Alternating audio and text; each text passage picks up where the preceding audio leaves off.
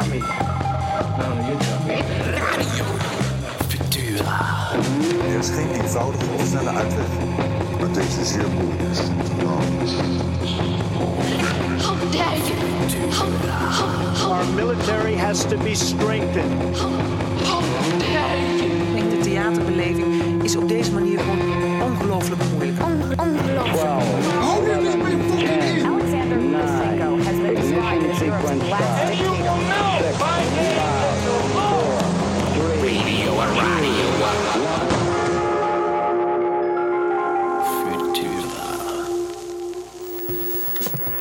Welcome to Radio Futura, live action radio about, about art and the world. My name is Lara Staal, and I'm a curator, maker, and writer, and I'm the moderator and host of tonight. Next to the fact you can hear us, you can also see us via the live stream at frascatitheater.nl slash Radio Futura 2020. But you can also visit us live at the right of the entrance of the cafe. You can find our door, just knock on it, and we will let you in. This evening, we will be talking about internationalism in the arts. I'm very happy um, to be hosting three um, wonderful guests Rainer Hofmann, Silvia Bottiroli, and Jetse Batelaan.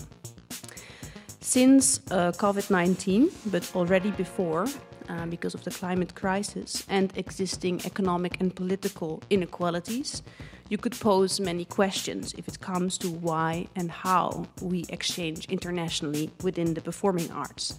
Still, uh, we feel, I think, at this table that it's very important to still do so.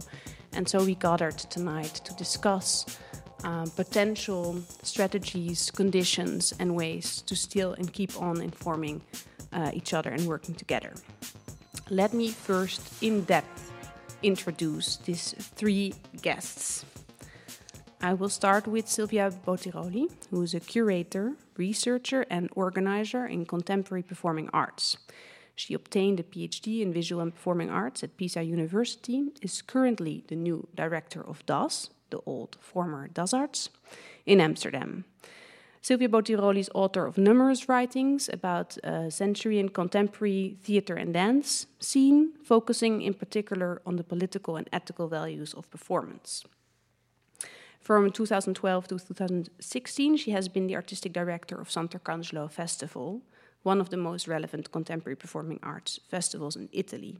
Additionally, she has supervised diverse critical, curatorial, and educational projects and she has worked as a guest curator for the project The May events at Kunstenfestivaldesarts uh, and Vooruit in Ghent.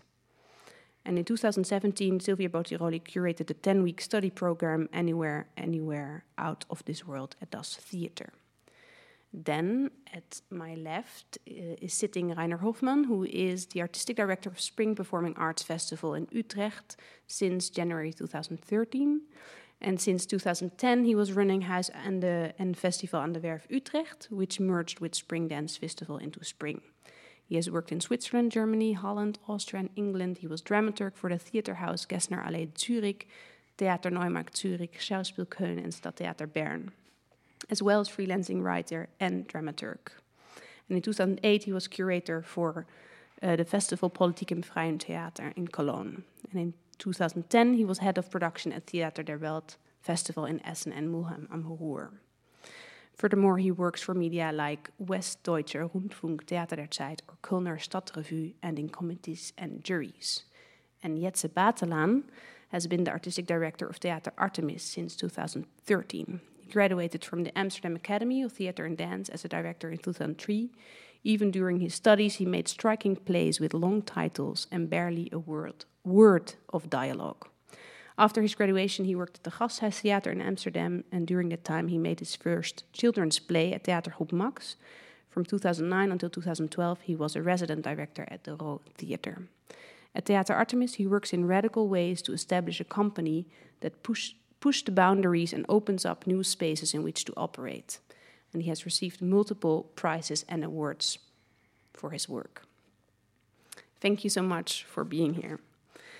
Um, as a first question, I would like to ask all three of you if you could respond to what internationalism in your work means.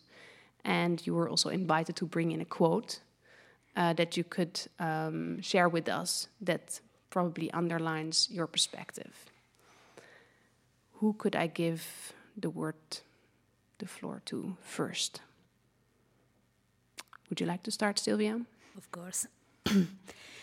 yes, and I would start by sharing a quote, actually. Uh, I thought of bringing and sharing with you a quote from Frie Leysen, um, a theater programmer and festival maker who recently passed away and who was also personally for me a very important encounter since the early 2000s when I met her while she was traveling Italy by car visiting festivals and I met her in Santarcangelo for the first time. I'm quoting from a text that Frie, um, from a speech uh, that Frie gave in Sydney in 2015, and the speech is titled Embracing the Elusive or the Necessity of the Superfluous. And one paragraph of this speech that you can also find online, um, titled uh, Internationalization. I'm just quoting from that paragraph and make a short sentence by quoting here and then. It's a couple of different points. And she starts with a bold statement uh, Internationalism is obvious, a given thing, a must. Uh, I'm again um, jumping a bit and, and, and continue quoting. Uh, we are not talking about the exotic or the folkloristic. It is about artists from all over the world with strong visions who can change our perspective on our world. International includes the very local. Only the local can be universal. And finally, the West is not the center of the world anymore happily. I don't see one new center. I hope for a world with different centers.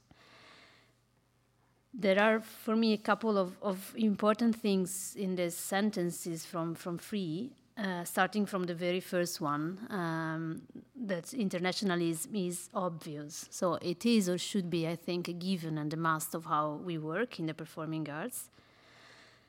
And then um, I very much like how she reflects about, and especially how she, how this quote ends uh, with a word with different centers. I think that is really critical to our reflection.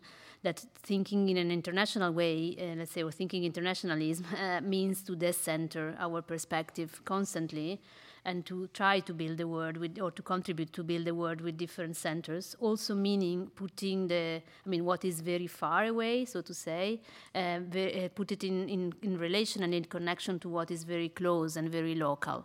This is another point that I find very crucial. I think something maybe we can discuss further tonight how uh, international does not exclude the local on the on the very contrary and how thinking in, in polarizations and, and oppositions between international and the local would be a very wrong i think and very dangerous way of looking at it.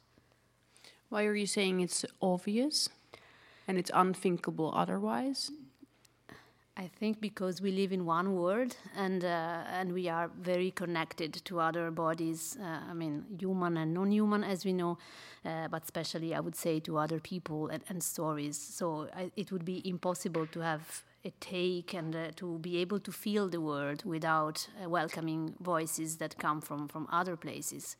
So it's uh, and also maybe because it's the dimension that we work in. I think at least many of us in the performing arts today uh, where it's also how our system works somehow. Um, so we are very embedded in a in a transnational uh, and maybe global um, kind of infrastructure, uh, which is not only economical and uh, and and, uh, and, professional, I would say. Uh, so it's an obvious of how we work, I think, but and it is an obvious of how we work because we need to be able to to hear these other voices and and in a way to build a certain sense of us as I mean the people in living on this planet and living with other entities on this planet. That's why we really, need voices from other places, I think. Thank you so much. Um, maybe first to the. Or let's no, let's continue actually because we know that Rainer Hofmann also brought a quote from Friese, and so we thought it's nice to kind of pay tribute also, and we imagined that she could maybe sit with her with us here as some sort of ghost. So please, Rainer. Well, as it goes, we have a bit the same influences. I also heard from Silvia first through Frie many years ago, and I chose a very short uh, quote that's uh, change perspective. uh, which we used also as a marketing slogan for the Festival Theater der Welt in Essen-Mülheim, where Frie was artistic director of. And I think that was one of her main uh, uh, ideas or motivations uh, to make an international festival, to give audiences a, a journey where they're permanently changing perspectives following the, the perspectives of the artists from different countries and continents. And this idea I, I like very much. And when I go a bit further to our time, uh, I find this international working culture uh, so important because, as Silvia says, we live in a shared globalized world, but also because, uh, let's say, since identity politics has been hijacked by the populists, culture is used very much to close down and not to open up anymore in a sense of oh they are different uh, they don't fit to us uh, they come from a different culture it's sometimes not anymore it's a different religion but it's a different culture and whilst i think culture should kind of support the dialogue be, be it aggressive or gentle or uh, via oppositions but it can support the dialogue and that's why i find it so important to keep culture international uh, how you do this will probably change a lot because we might have come uh, to the end of the glorious days of curating. Hmm. That's intriguing to ask you more about. Uh, but maybe we will go first go to Jetse and we'll come back. Uh, the end of the glorious days of curating. Let's see about that. um, you told me that uh, you didn't brought a quote because the invitation to bring a quote kind of blocks you in a way. So please Yeah, share with us. I was maybe already too egocentric because I thought it had to be a quote of myself, so I didn't thought bringing a quote of somebody else. And I just finished a, a, a piece again, so all my quotes are gone. I, I just uh, I'm empty at the moment. So I thought I'll just come and That's meet great. these people which is already a great moment of internationalism. eh, Mm. we, uh, so, um, yeah. Can you But- say something about what it means for you as an Yeah. artist, as a director of a company? So, uh, for us at Artemis, I think, because I was also uh, already uh, what you said about the, eh, this local and international, and is it an opposition or not? Because as Artemis we are quite locally based company because we uh, we do a lot of stuff for schools and and this is really happening in Brabant.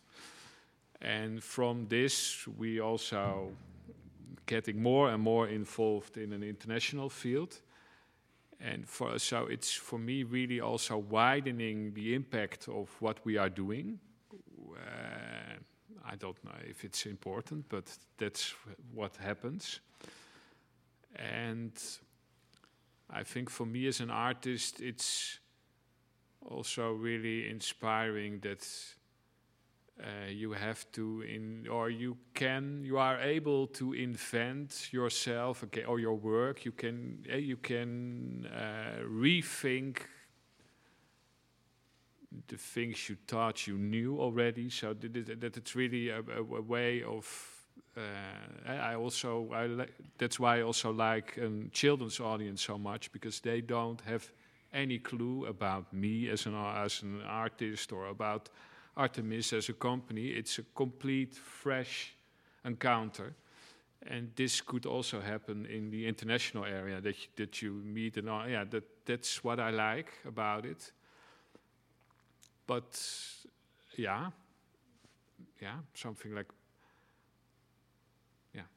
Yeah, no, but I think we can also yeah, it's it. uh, No, let's talk about it later. Yeah. Yeah, no, I think it's very clear what you're saying. So the importance of both being based locally and then Mhm. uh, the idea of having some sort of foot in an international field where the impact can be bigger, and on the same time you also are in a position where you can be surprised yourself, or maybe Mhm. as a child look fresh at something without, let's say, a clear context, which is maybe an interesting question about context. But I think it would be interesting to first go back to Rainer's um, statement that it might be that the end of uh, glorious days of curating are over.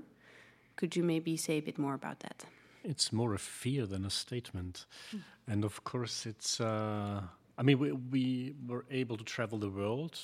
Uh, I was in a very privileged position for almost 10 years now, uh, meeting artists, meeting interesting people, and trying to make a program that makes sense uh, in the context of the city of Utrecht uh, on an international scale and implemented locally. Uh, and suddenly uh, we lost our innocence for a while now, probably. And, and, it's not only Corona, which is now a very practical obstacle, of course, but that I hope it passes by at some point of time.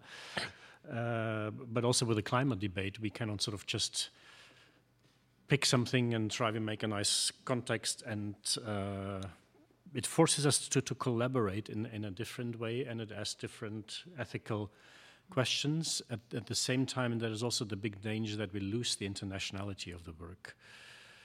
Uh, and, and sort of, I don't know where, where it goes, and it's also a moment uh, to reflect on this and maybe not come up with answers too fast to this.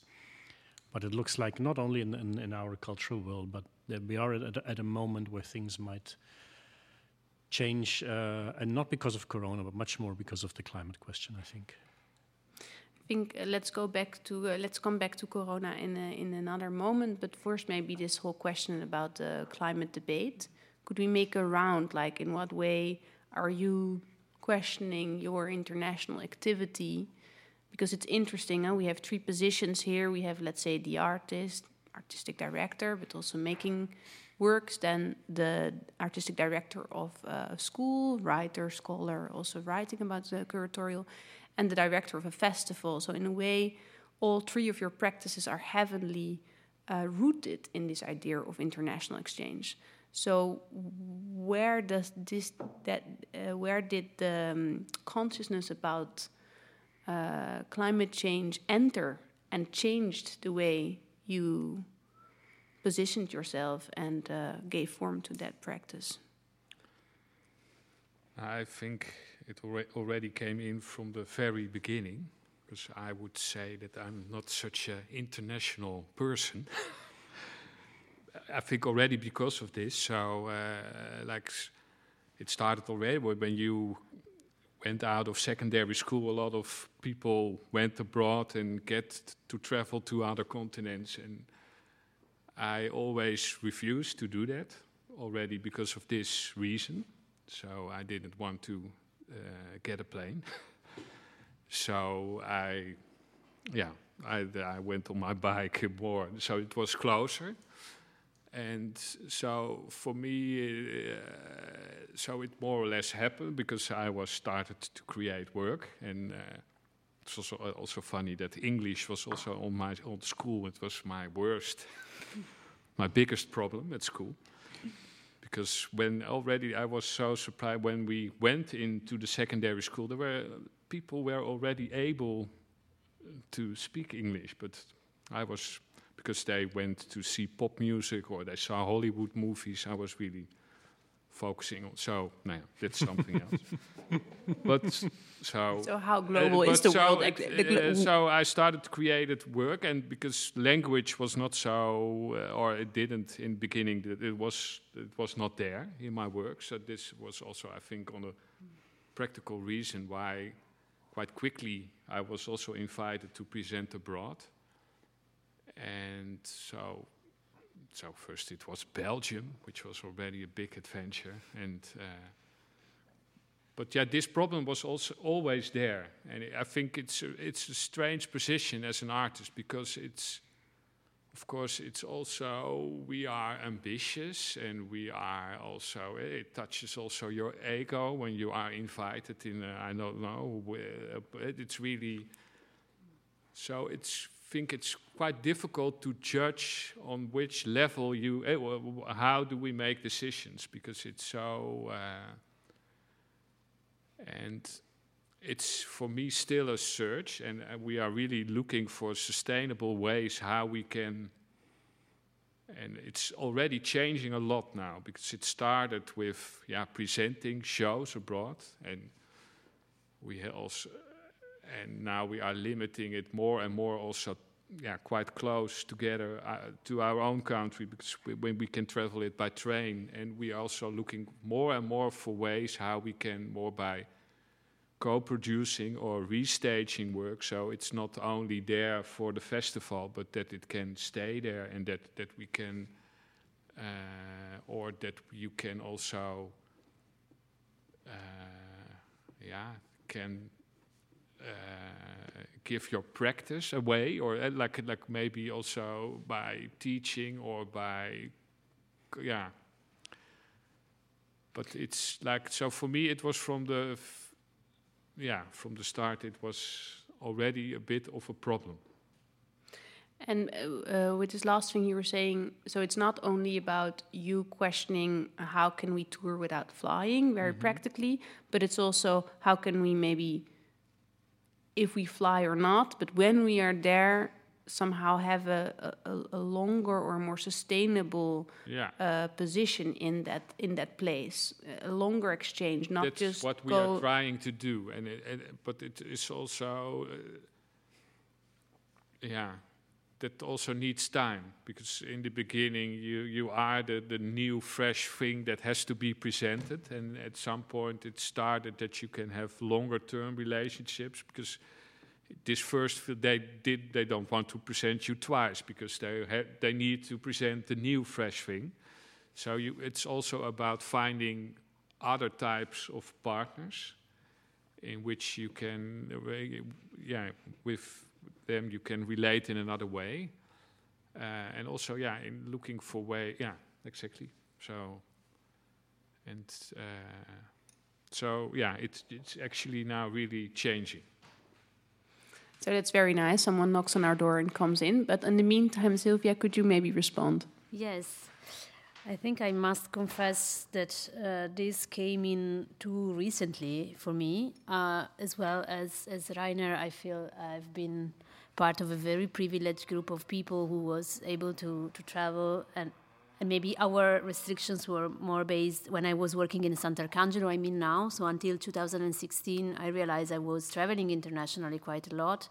And at that time, I think honestly that the only restrictions that I felt were financial for us and we were also traveling artists to the festival, somehow uh, dealing with the, or trying to address the question that Jetse was posing also about uh, staying for a longer time, and of course for a festival that's that's a challenge, uh, but and find some forms of sustainability or be making collaboration with other places so that so to build a longer tour for some projects, etc., or really construct some production in a longer time, but still. Uh, if I look back now, I feel we, I was really, we were really unaware of many things. And now, more recently, I think uh, when, I, of course, also for my personal life, when I uh, moved to the Netherlands two years ago, this choice was very much based on a certain idea of mobility that is not there anymore. Um, so in that sense, I was maybe also very um, kind of unaware of possible. I mean, I was aware, but of possible environmental consequences of a certain way of living in between two places.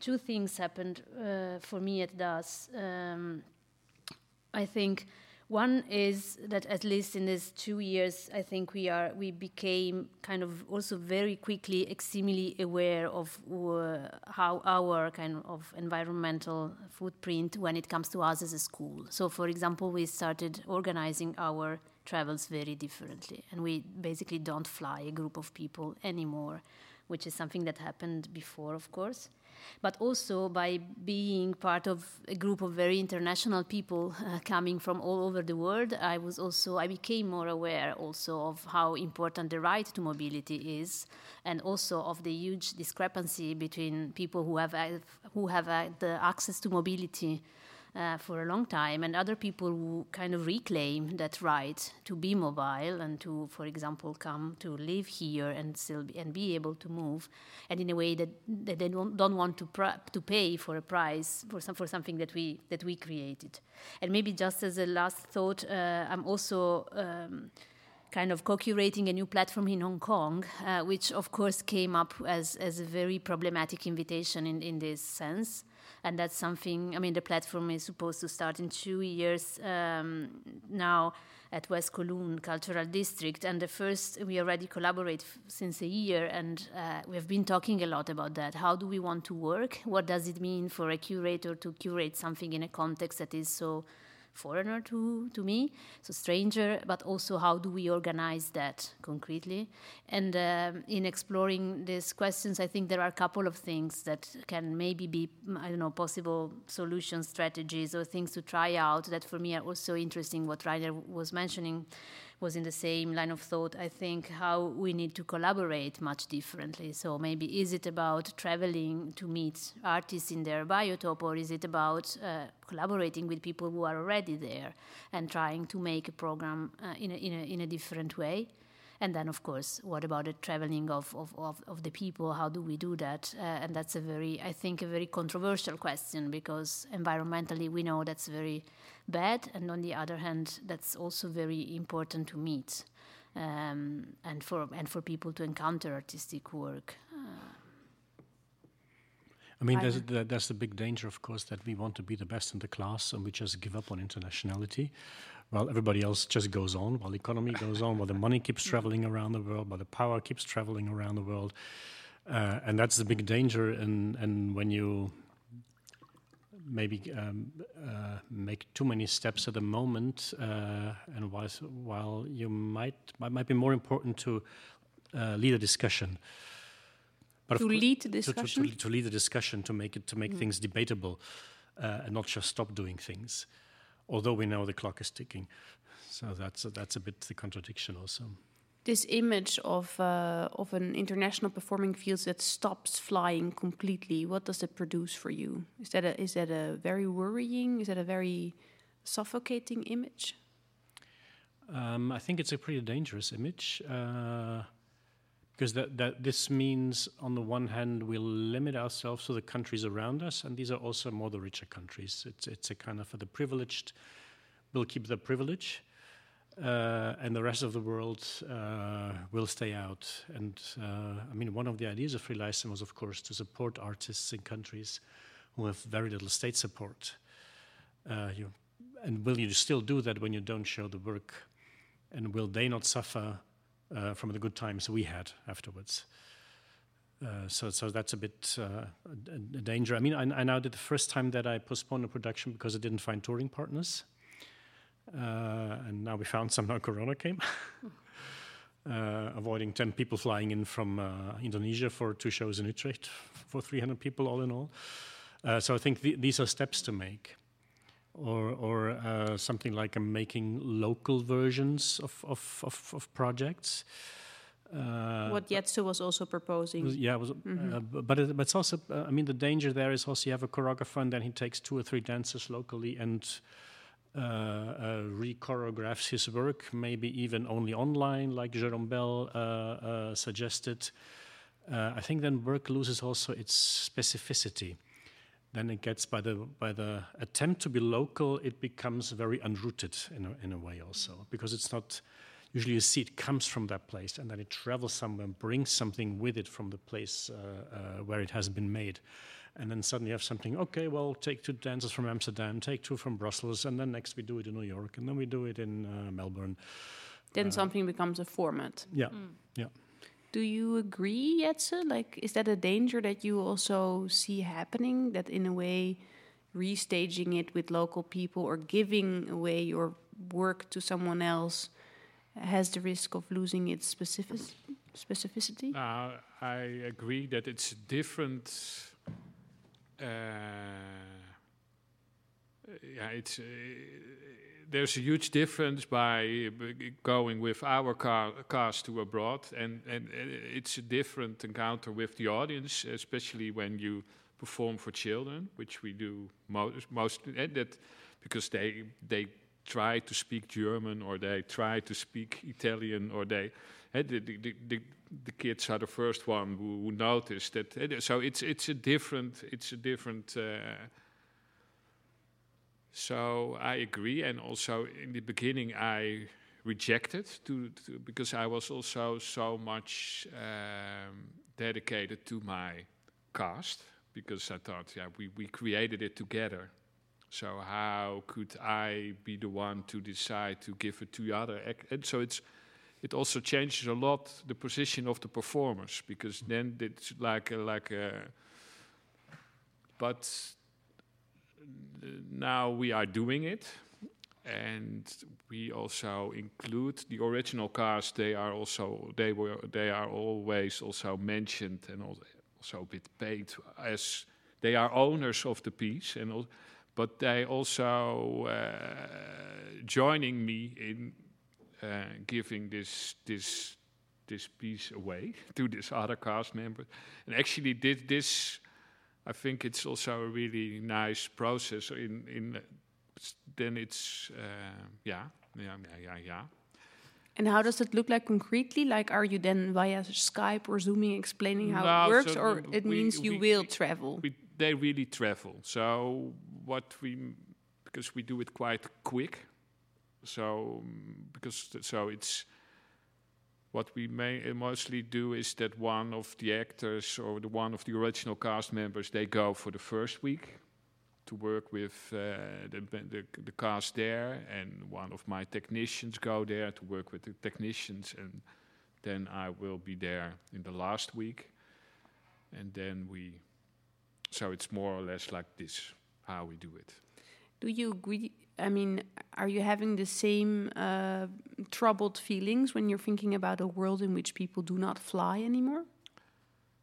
Uh, I completely understand what Rainer is saying, and and it's so I think so that's not the solution, not flying, but we really have to be careful. And and and so if on the level of curators, for example, like if I'm on every festival, I see all the time the same people, and they are everywhere, and I'm I don't know if this is necessary. And and yeah for me this is I think it's really important that we invite the, the artists to also to, yeah to to have a local based thing because for me there's also one of the big dangers of internationalism in it is that it's equalizing what we are doing a bit so that I when What do you I'm mean by that? now that there is some kind of uh, a, a specific taste in the international field of performing arts,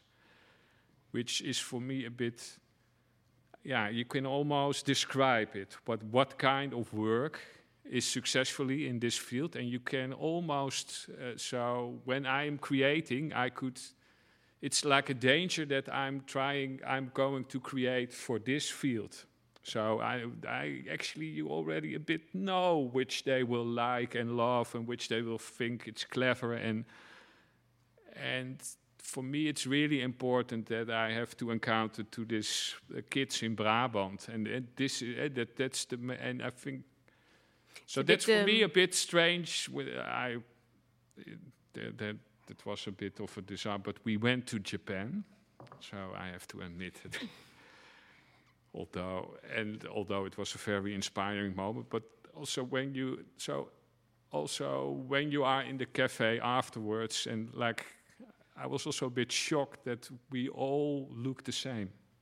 We we have the same clothes so this artistic field of people we we use the same words. We are and for me this was also uh, that's for me also a danger that and that we are not connected anymore to our local circle so that it's like uh, yeah an inner circle of an international field It's a bit this thing of the globalized hamburger in a way, but then in, Oh, in the the- in the international performing performing, arts. arts. Yeah. So it's actually on the contrary to what uh, Rainer was like pleading for the specificity, the specificity of a, a project uh, from another uh, place. There's also this risk of Yeah. that it all looks a bit the same.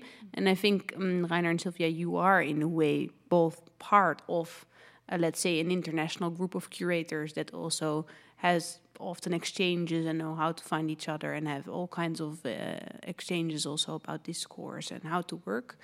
Do you have um, any thoughts about this um, potential problem that things actually start to look alike if it comes to international exchange?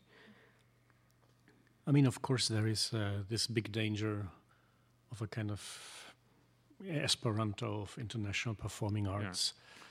Uh, because certain groups agree. But and then again, it's there are different circuits who meet each other. So when people uh, program on bigger stages, they go to different places than uh, like me, more for the black box mostly. Oops. Uh, so it's also not one circuit. I think there are there are several international circuits who sometimes meet and overlap, uh, but I don't think that there's only the one uh, taste that we have. But but of course we inform each other, and uh, I also I'm also depending on colleagues from other countries who tell me, "Hey Rainer, this could be some somebody for you. This work should interest you." And I do the same, of course, uh, with artists from here uh, I find also a, a very valuable information because you cannot watch everything. You need to have your sources and resources. Silvia, we're also both connected. I mean, I'm also connected to Das Theater as a tutor, and, and we hear often participants also saying this, no? Like, mm. am I now, especially people, I think, out of Europe coming to Das asking, am I now entering this market and do my I have to adjust my work in order to, to some sort of international standard to become successful? Yes, that that's a risk that I also see, but um, I mean I think there are also a couple of, of things that we can keep doing to avoid that. And one I mean, of course, I think as curators or programmers, I mean, curators and programmers have a huge responsibility there in, in how they choose and how they really curate the, let's say, the transplantation of work into a different context, which is also not a given and not an easy thing, because of course, I think this risk of, of, of homogenization is there also because uh, uh, inviting works that are that feel very different from what an audience normally sees also requires a lot of work of contextualization somehow um, and sometimes it's, it's, even not possible to just present certain work in a very different context. Or we know that that would really produce that the work is misread or i mean it really requires work. But somehow I, I think in that sense it's in that our responsibility us as programmers or, or, curators in this sense to try not to find what we already recognize, but to try uh, to really connect to the artists and the work that we see even if it does not speak to us. I, I, I speak to us. I remember having this experience I, uh, when I was working in Santarcangelo, and also I remember seeing works and really thinking I cannot present them now in Italy or in Santarcangelo, not because the audience is not ready, it's not their taste. I mean, I don't really trust these kind of arguments at all, but because the decontextualization and recontextualization would have would produce something that that would be very wrong for the work. Um, and maybe then you have to find a different work from the same artists and, and create a bit of a path uh, and the journey with them, etc. But I think that's in the first place something we have to be very aware of. That working internationally also means to really change perspective, as Rainer was saying. Uh, and and be open and, and available for that, and then doing the, the difficult work also to to really invite and curate a presence. Um, this is one thing. Uh, then, uh, yeah, the other is also the risk, of course, that artists are either have, and when it comes to Das Theater, for example, so international artists who come and work in Europe, that they, I, I, think that's true, they feel it a lot, that either they have to fit into a certain idea of what a contemporary theater performance is, or that they have to kind of represent and show what we expect from them, which is normally, I would say, let, let their stories, and especially stories of misery and poverty and war and conflict, which we like to listen to when it is in a theater. And that's also, uh, I think, something that uh, international artists that I that I see coming to Das, for example, but also beyond Das, of course, they are really struggling with. Um, and that's, I guess, not an easy not an easy thing for them to also find a good way of positioning, uh, also when they feel they in a way they kind of belong or, or, or are in between or maybe belong to two different places and still have a strong cultural and personal identity that they don't want to abandon but are also really encountering another society and another culture. That must be a very difficult kind of transition or journey uh, I, guess. I think I think what happened also in, in the Netherlands in recent years is that this international performance dance field and the more Dutch theater field grew apart more, and more, and more, and that's a real problem, especially when when young people come to study here, and they find have trouble to connect really with the country or, or with the city. that stays in this uh, small group of international people that at least we two are working in also, and and I, I, I don't know how to bring this more together. And what happened actually in the Netherlands? Is that also something you recognized yet? That there has been this kind of growing gap between, let's say, the Dutch speaking field and the international scene? Uh, Is there some actually, sort I don't know. So, it's- I uh, like in the uh, in the in the theater for young audiences, this problem does not exist uh, because it's so uh, that so almost all the groups who are creating theater for young audience here in the Netherlands they also play abroad. But yeah, so it's it's like it's one. It's there's not a company who is specifically aiming on playing abroad. Or it's way different than in this, like the, for example, dance or more like uh, conceptual, uh, yeah, like formative art. Uh, that, that's that's different. So But do you recognize some sort of anti-internationalist sentiments that grew in the Netherlands? Is that something you recognize? in general, it does. Like like as we we as a society, I think. Uh, but in, in theater, I think it doesn't. And actually, it had a. I think it had quite a good influence in the sense that we had this moment with Halbe Zijlstra. so we, th- there was a huge cut in our uh, finance system and also how we.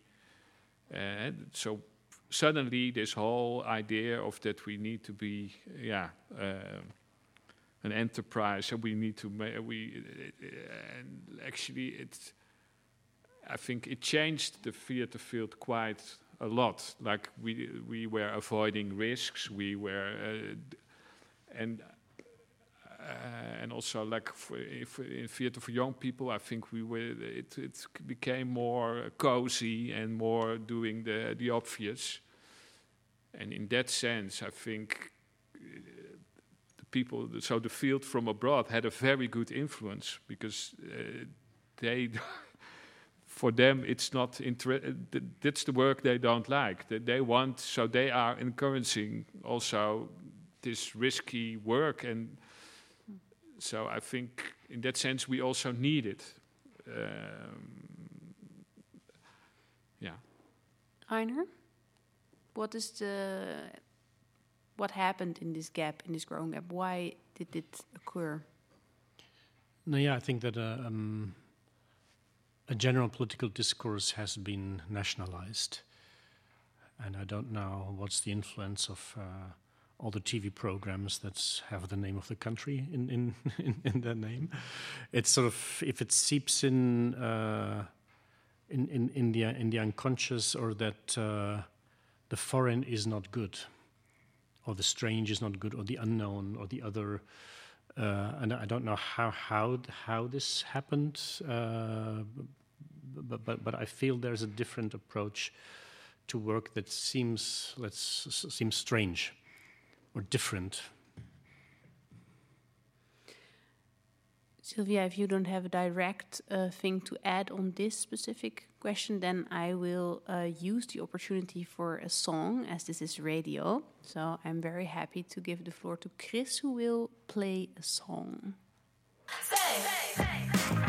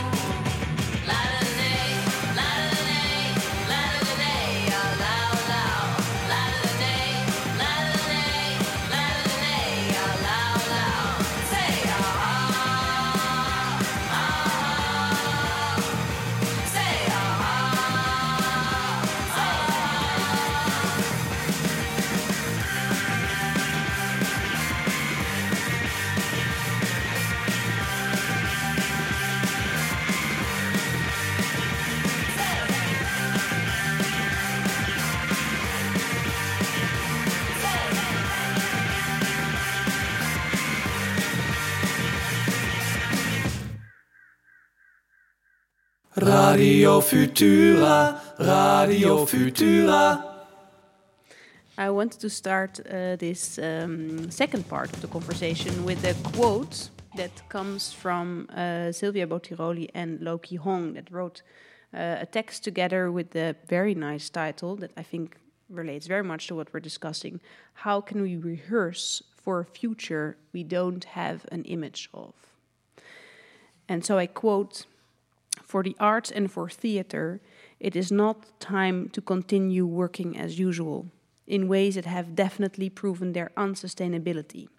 However, it is also not time to give up, but instead to rethink, reshape, find, or invent other forms and ways to continue. How can we then rehearse practices of life, of collaboration, of work, and of art that can operate despite the current state of things? How can we exercise to exist and produce meanings, regardless of all contingencies and limitations? How can we keep insisting? And while um, we're kind of processing this quote, I'm thinking also about uh, Rainer, who said, "I don't. I think it's dangerous to answer this question around uh, climate change and flying with uh, a kind of finished answer, and that we want to be the best of the class." and that uh, on the same time, parallelly, everyone continues exchanging internationally, economically, etc. Uh, but we would stop. Instead, you were proposing, Rainer to start the dialogue or to lead the dialogue. And I wonder, Silvia, if because the quote is also coming from you, you would like to respond. Maybe I don't know if you want to contextualize the text or um, answer or respond directly to this idea of how would that look like leading a dialogue? Is that something you can relate to? Good question. Um, yeah, just to contextualize the text very briefly, it's a it's a series of questions that we wrote, uh, invited by the directors of Fusebox Festival in Austin for a publication. The text will be published and launched soon uh, next week, and it's a collection of texts from curators and thinkers in theater where we were invited to share some of our kind of burning thoughts and things that keeps us occupied. And Ki-Hong and I decided to share a list of questions that we really felt this is what we can do. We have plenty of questions and, of course, uh, no answers to, to them somehow, but some, somehow these questions felt uh, relevant to us also as a way to participate in, in, in, a discourse. And maybe there is one thing in the, in the quote that you chose that can also perhaps be a starting point to, to try answer or explore a bit the question of how can we lead a discussion, which I think is a great uh, question and proposal from, from Rainer. And um, as he said, how to make things debatable. Uh, in this text we are using a lot the word rehearse, that of course comes from the theater vocabulary, um, and that we, I think, we are kind of appropriating and try to resignifying in the sense, of course, not of rehearsing towards a production, obviously, but also maybe uh, how can we rehearse, not rehearse towards something and something that we know what it should be or what we would like it to be, but as a way of being in a constant state of exercising and trying things out. The idea of, of, of the trial in the sense that anything that we do is just a trial, is just a tryout um, of something that and we i mean really as human beings probably know that we are always trying to build a possible way of living together and possible society and of course it fails and, and then we start again and it's perhaps normal that, that it fails and and maybe the, the, the, the i mean the horizon that i I think we are facing now, maybe more clearly than before, is really this horizon of not knowing about the future. So, obviously, the future has always been dark and uncertain, as we know. But maybe in this moment we are way more aware than before about the uncertainty itself. And somehow it's also funny because I think in our field we have been talking so much about the unknown and uncertainty and and how artists are really uh, there. I mean, not to make the unknown known, but to really give us tools to sense uh, and and stay with the known and now somehow we are all freaking out because we don't know how our near future will look like. Uh, I, I, find this paradoxical in an interesting way some, somehow. And yet, I do trust that, that theater maybe can lead a certain discussion by being an apparatus and a set of tools that is mm, there to work with fiction and reality in a specific way. This is something that personally fascinates me enormously about theater, uh, its relation with fiction and reality, and how these two realms are both present in theater, but also as this constant process uh, theater is, and maybe. Uh, and especially for, for theater or artistic research, it's very often a process of rehearsing something that we don't know yet. Um, so I think uh, our attempt with the text is also to appropriate some of our theater vocabulary and try to just broaden the the field that it can talk to and maybe there is something I, at least i trust that there is something in the specificity of theater that we can try to hold on to and um, yeah and to use a specific ways of of making things debatable which i think is a very beautiful definition of what we should be doing I mean, I, th I, think it's probably the only thing worth rehearsing where we don't know the image or the result or the or, or, or the future. Otherwise, you're just fulfilling your your expectations. I guess that's a, that's a very beautiful beautiful image. I think. And did you had any imagination about how that could look like? That we lead a discussion. Um, I mean, I think one thing is uh, the state of insecurity. Uh, we're having uh, started a series of brainstorms with artists that are in some way connected to our organization. And uh, recently, two of them, I think it was Abhishek Thapar, who comes from India, living here, and Hudson Yen from Singapore, said, But guys, this was our state always. Mm-hmm. We never knew the security that you had. Now you're at a point that we are used to. And I think this is something interesting that it's uh, something, a privilege we lost, but being aware that others never had it. I, I think maybe these are moments where, where a, a, a discussion can start and also I think a pretty hard learning process also to be yeah. able to stand this. It's nerve wracking also.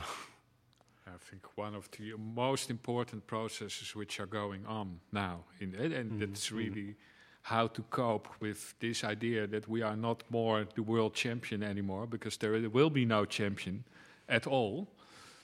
And so I also like this image of rehearsing, but I almost you could say it's almost like a training center, the the theater in trying and in learning because we.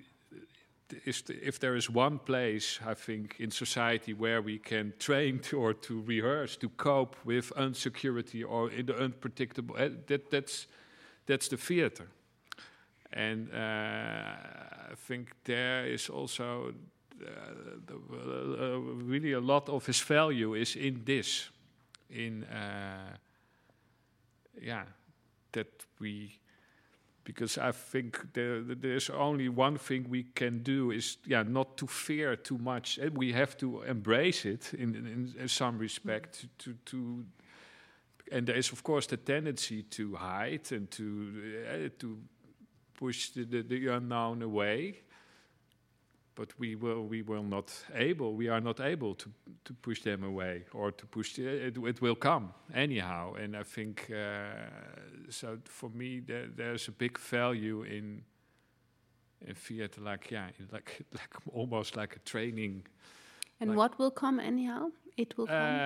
uh, an unpredictable future. Mhm. Uh, like, uh, and, and I think for us in the West, it's it's like we are raised uh, with the idea that we we can predict and that, or at least somebody will guide us or will protect us, or and and I think it's really and we are now panicking a lot and uh, trying to, to hold back to what it was before or and I think uh, yeah for me there is a big value in yeah that because it's it's not too too scary because you know it will finish at some point and you can get out of the the place after one and a half hour but with and, and, and we survive and we survive together. That's for me also the beauty of it. And that's also and that we we are able to to connect to something we don't know. We are. And and and that's for me the beauty of yeah theater and also the value now that yeah we can that they yeah in a way, uh, I feel as we are all four connected to performing arts, live arts, and to this idea of international exchange, I guess um, the pandemic hit us on a lot of levels, right? So it's difficult to imagine what theater can look like in these times, if it's even possible. Does it even make sense to make it still in these circumstances when we when live, live gathering and assembly became dangerous or, or risky?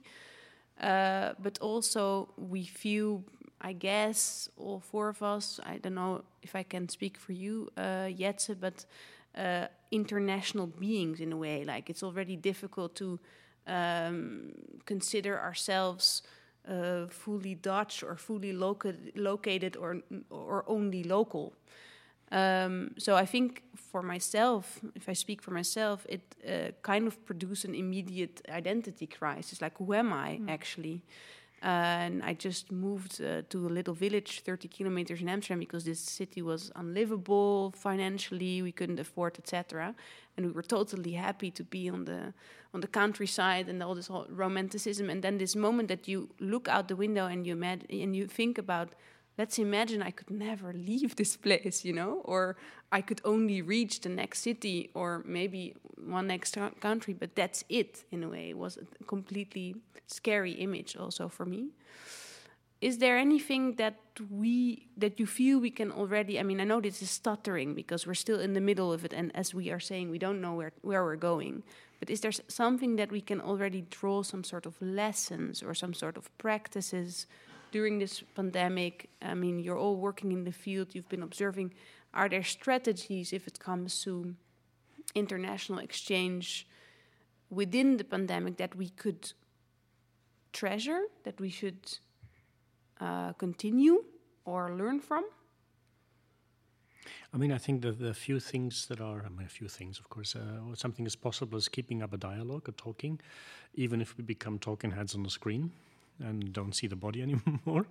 but at least that is possible. And I, I think it's a lot about uh, uh, questioning what is the relationship between artists and presenters. Uh, uh, who has the power there? Uh, who, who, what kind of dialogue do you lead at? What, what moment do, do you step into a dialogue? Do you, uh, as a presenter, program an artist or, or a production, or do you give a wild card? How, how do you use spaces actually? I mean, having a limit of 30 and then suddenly all big theaters are closing down, uh, it's the worst possible answer to turn to this. I know, of course, it's economically not possible to, to keep them open, but that if that this is the argument, it's economically possible, then it shows there's something wrong in the system. Mm. If you, if you give up the possibility to present something for an audience, because it's economically not possible anymore for you. Uh, so how, how, do you how do you use these spaces and on what grounds are they run? Uh, I think this is a, this is a moment to to ask this question and having an an open discussion about it also. Yeah, I, I yeah I totally agree with that. Um, I mean, the necessity of not giving up and not giving up on the basis of just financial or I would say very kind of technical, if not technocratic um, arguments that I think we are very much exposed to at the moment.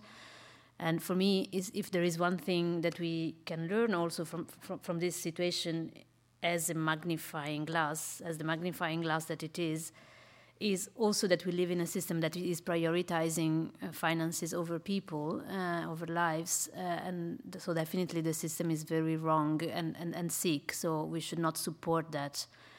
I've been personally very worried in the last months how uh, the pandemic itself uh, has been used as an argument or maybe as a smokescreen for certain policies in that also were based on very concrete, uh, normally financial reasons. Um, uh, about not be not getting international uh, within the academy that I work in, the uh, Academy of Theatre and Dance, and actually the AHK in Amsterdam. There is a conversation going on about should we still welcome so many international students when, of course, the non-European students are a cost in the in the current system of education, and it also becomes so difficult to work with them. And then, of course, in that sense, the pandemic is really offering another strong argument. Are you still inviting international people who might not even be able to travel to the Netherlands to start studying?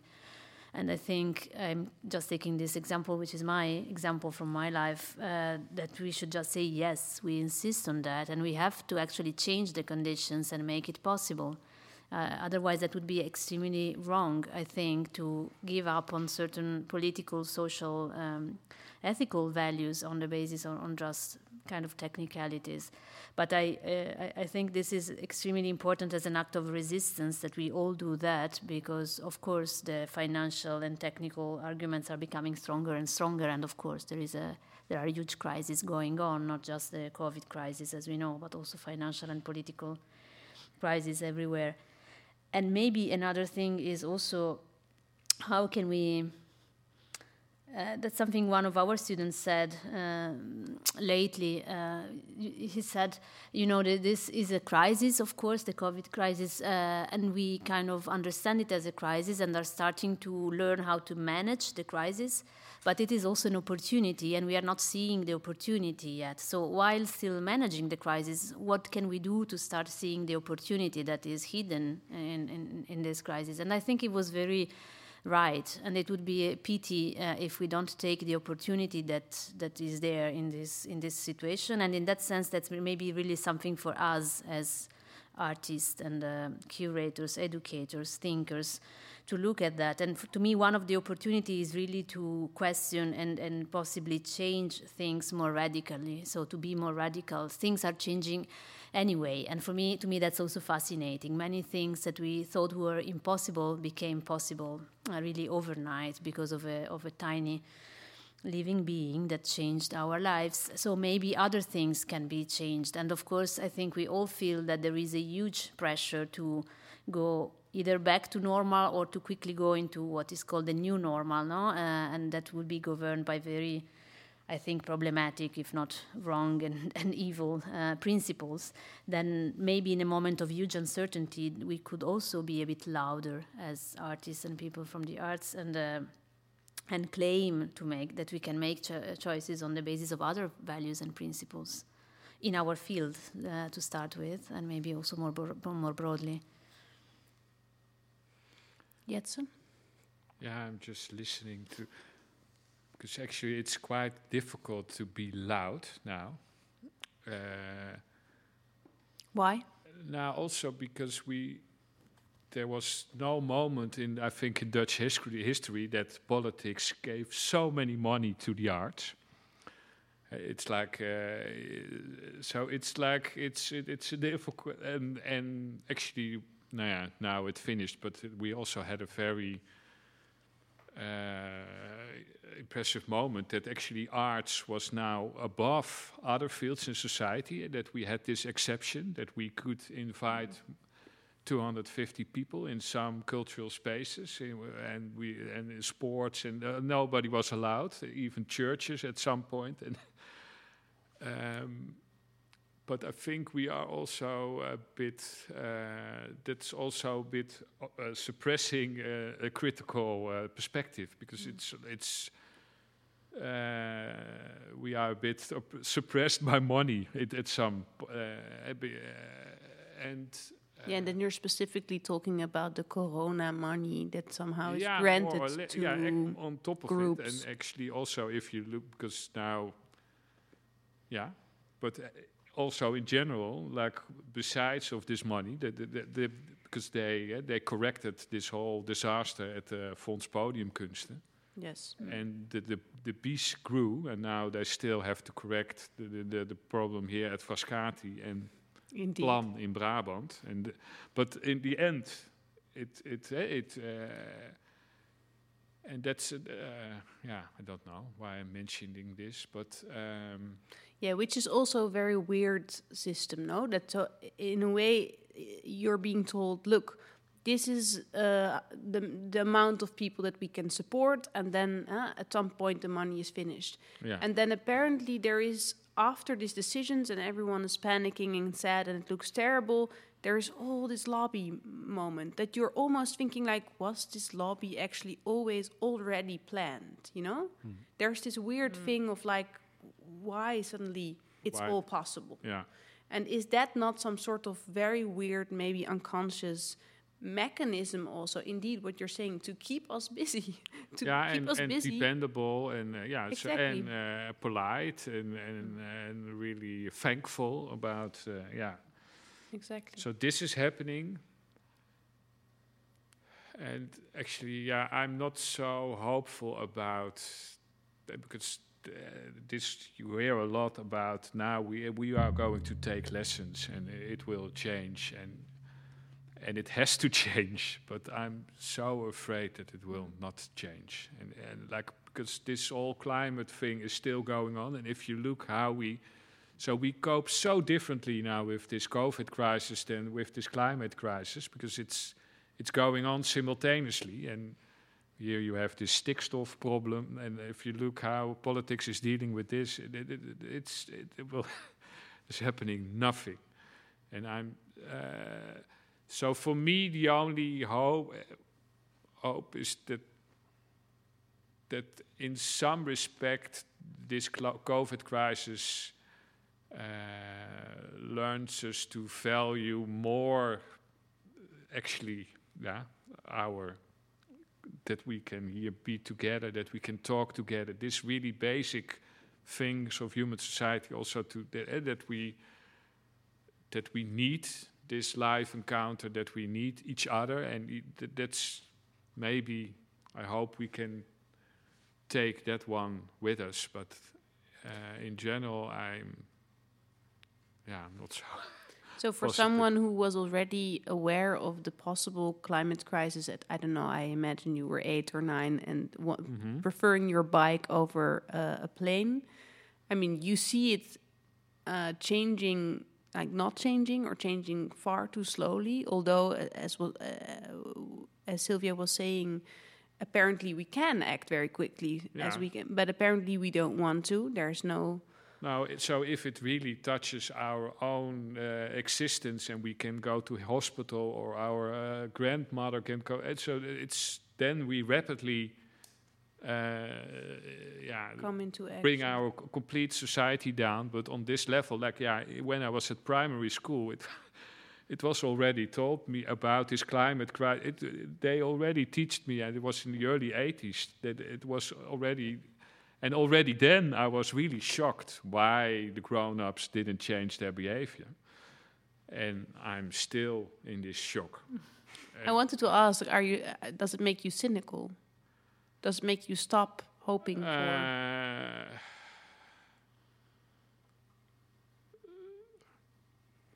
yeah, I don't know. Now, yeah, like the problems will become bigger and bigger. So at some point, we we have to act, and then we will act. Uh, yeah, so uh, for me, I'm a bit splitted in that sense. So on this wider perspective, I may be uh, cynical, but like on a on the micro level, like on the level of people, I still. You will still continue making work. Uh, I hope so. if it will pop up, I, it will. I will uh, share it.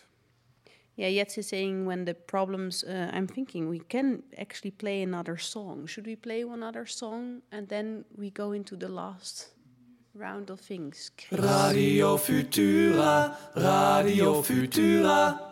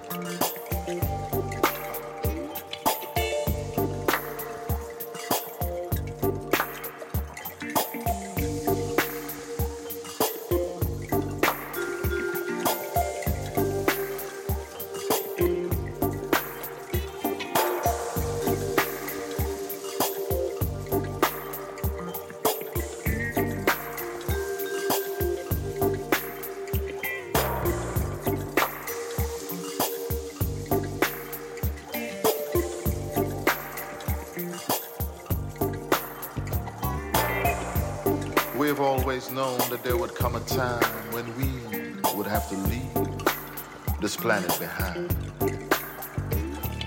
Space will be my home. Space will be my home. This world that we have loved, and in loving so deeply we abused, like a mother abused by her own child. Space will be my home. My home. They say it was another ship that brought us here, that we were seeded by panspermia.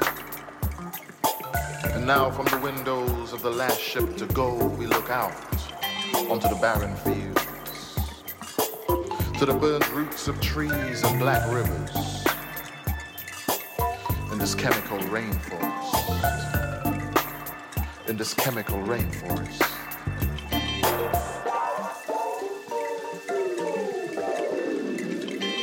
Space will be my home.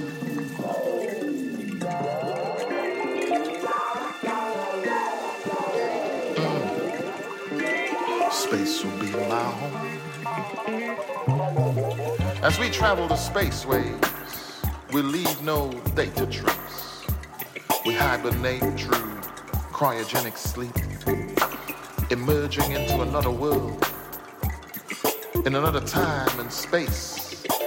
And as we do, we promise not to make the same mistakes again.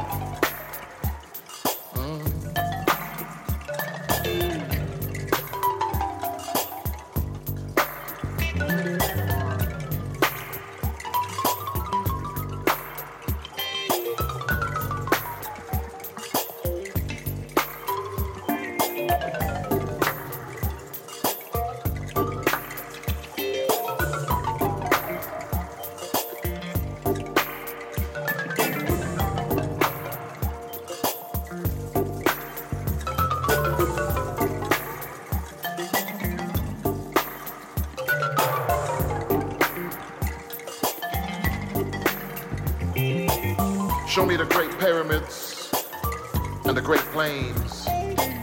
Show me a map of these constellations. Of Sirius moons and the stars All right. aligning. Show me the Um, we're back again. Um, I would love to speak a bit more about this idea of uh, the trans local. So we've been talking already a little bit about the local versus the international. Um, and there are some voices that say, why putting so much? I mean, it's clear that this table is very aware of the importance of international voices, but then there's a lot of voices also saying like, why is there so much focus on all these international artists, for example, and within festivals, um, and not on the international people that are already present in our direct environments.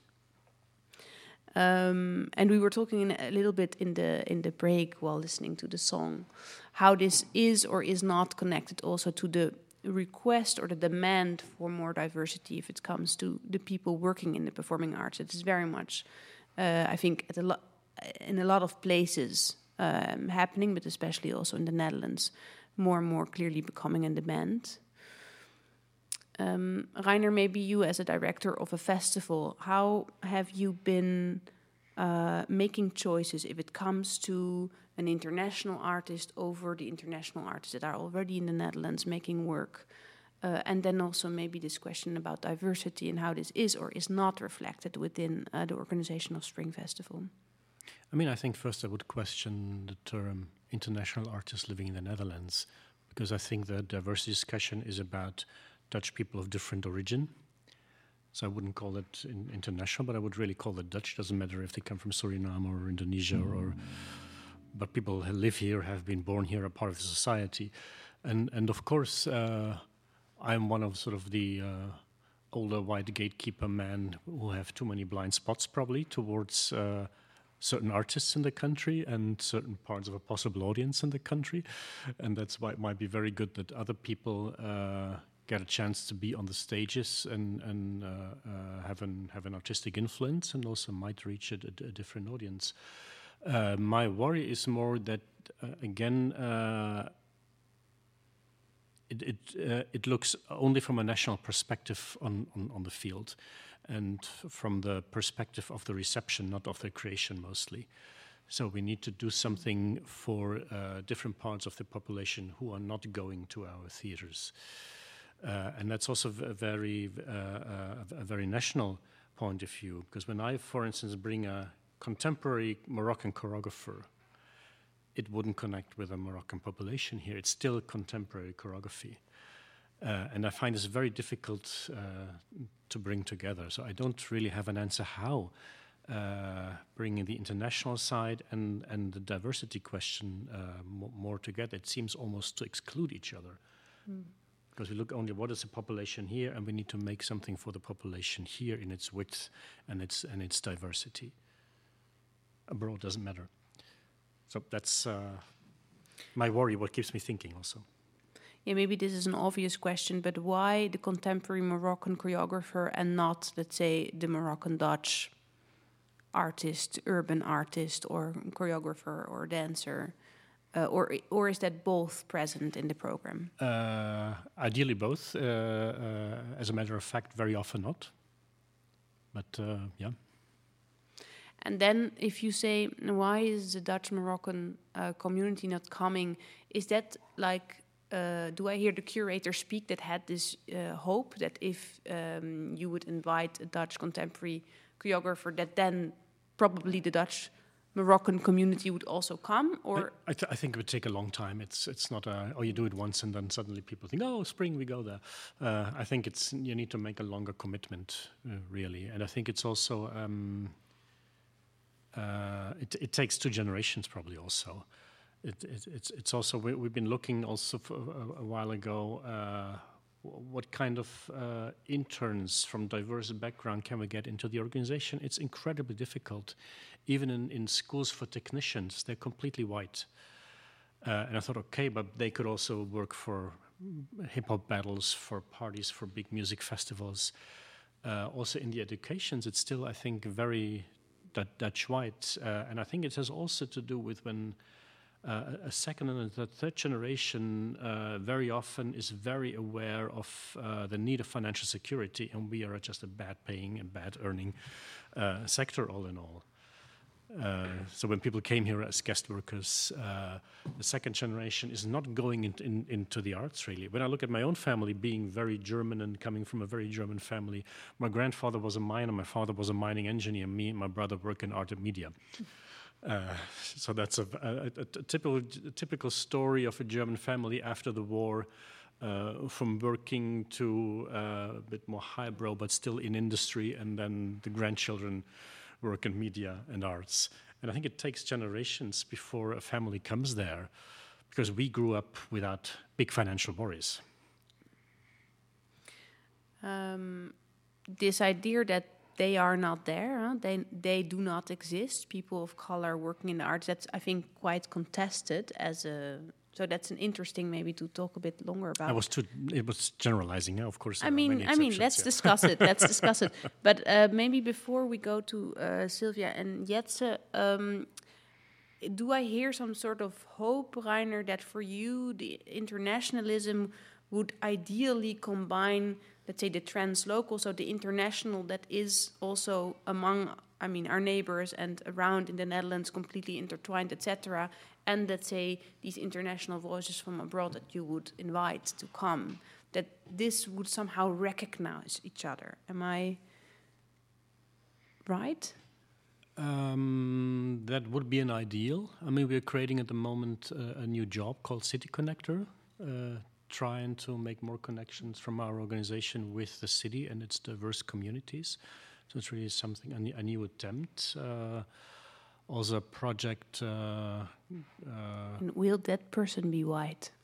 Uh, the process is running. Huh? It's uh, the vacature has just been published. But what is what are your thoughts no, no about idea. it? What kind of person should embody such a position? Uh, it's a. I think it's it's a weird position mixing artistic knowledge with urban research with communication slash marketing. Uh, and I don't, it's a. Why do you laugh, Jetse? a sheep with five feet, as the Dutch say, I think. yeah, no, I don't. Please share, just, like, what uh, does it just, uh, produce when you listen to that? Yeah, I'm, uh, keep it for myself. Okay. I'm sorry. Okay. Uh, so I'm very curious who is applying for, for this also. Yeah. What, what are the backgrounds, not only the, the, the sort of uh, uh, color, but cultural backgrounds, ethical backgrounds, but also educational backgrounds. Uh, yeah. So I'm, I'm, I'm, I have no idea uh, who we are, how we going, going to take on. So you really see it as an open call that you throw into the world, yeah, and yeah. you wonder because, of course, the way an open call is also set up, and the thoughts about that in an organization are often also reflected in the text, and then will have some impact on who feels being called out to. So that's maybe also something. But maybe, Silvia, could you share a bit your thoughts about uh, how the international in the local, let's say, diversity within organizations could reflect also this um, international mm. exchange? Yeah, it's a complex uh, issue, also from my perspective at DAS and I also I still feel I'm kind of an observer of Dutch society myself because I'm very kind, kind of very new here, and that's also interesting because of course I'm in, ex, in, an extremely privileged uh, position myself. I am aware of that, but I'm also a stranger um, here, and I'm kind of reminded about that quite regularly, also in my working environment, in many different ways. So I do recognize a a huge need for more inclusion and diversity in, uh, in our environment, at least. And in our case, I think that's really one of the priorities now of, of, of our academy. And of course, it's a long way uh, to go. It's, it's this kind of process, as Rainer was saying, about connecting audiences, but also in, let's say, diversifying a working environment really takes time, as you were also saying, you know, about an open call, who feels invited, addressed, etc. I think we also are becoming more and more aware uh, of whom we invite and who is represented in, for example, the people who select, who assess, and who teach uh, us. And this is, again, a long way to go, but something I, I think we are trying to do. One thing that I find extremely problematic from my perspective is really how the conversation, the whole discussion about uh, diversity and, the, and, and internationalism are completely non-connected and separated, if not completely uh, felt as opposite. So, just to give an example, I think we at DAS are seen as a very non-diverse environment. And actually, I think we, I mean, this is one of the most diverse environment that I have ever been in. uh, and it, there is, of course, very few Dutch people. Uh, there are some Dutch people working, um, few Dutch people being there as tutors, and very few there as, as students. Uh, and I think this is not seen as diverse because diversity is really staying, as, as, as, in many other countries in Europe, of course, but it's really staying a national discussion. So it's really about uh, Dutch uh, citizens with different backgrounds. And I find this very problematic. And if somehow we have to decide whether we prioritize Dutch people with uh, different backgrounds or international people, and especially what you call the translocal, so international people who also move and stay here and who for me contribute enormously to the diversity of the society and the, and the culture that we live in. If we start, um, uh, yeah, creating this opposition and and thinking that we have to prioritize either the one or, or the other, I think we are really making a big a big mistake. But this is honestly what I see happening quite a lot. And to me, it feels, and that's maybe a simplification, but it feels obvious that these two should really go together.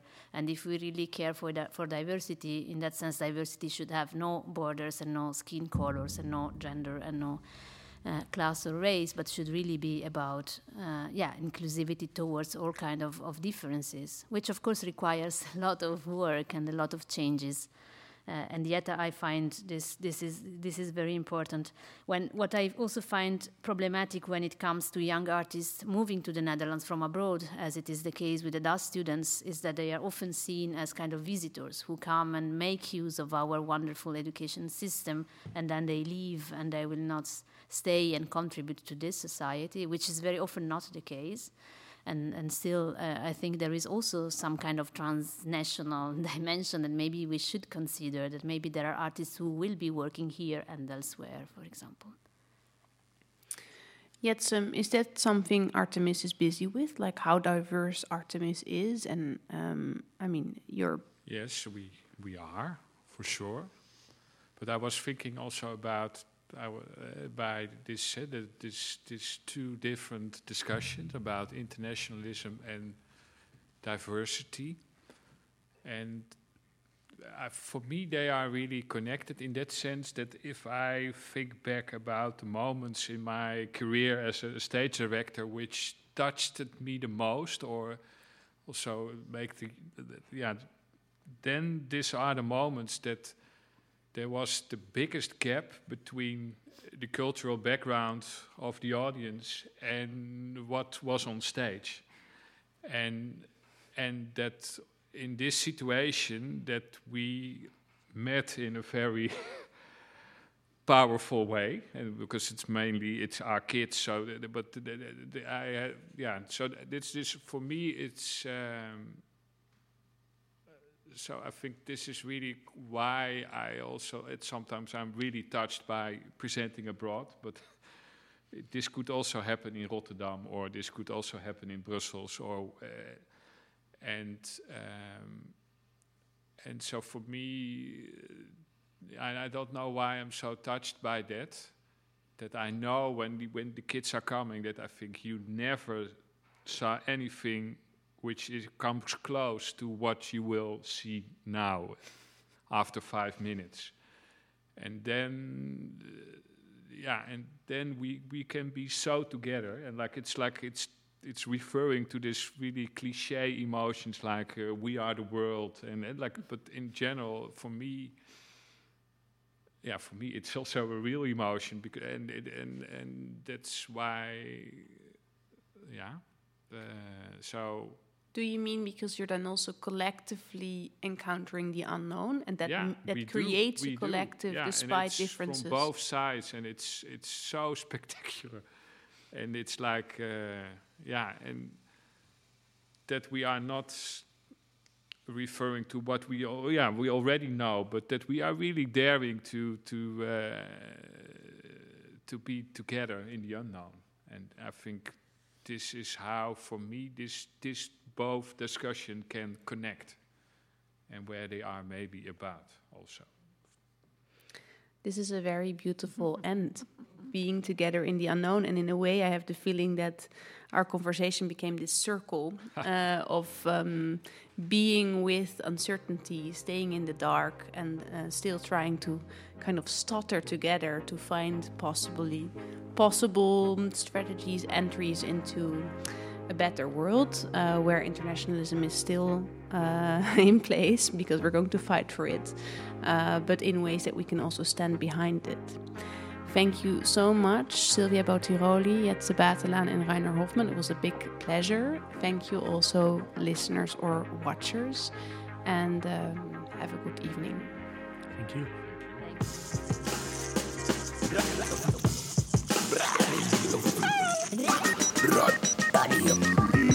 Radio Futura.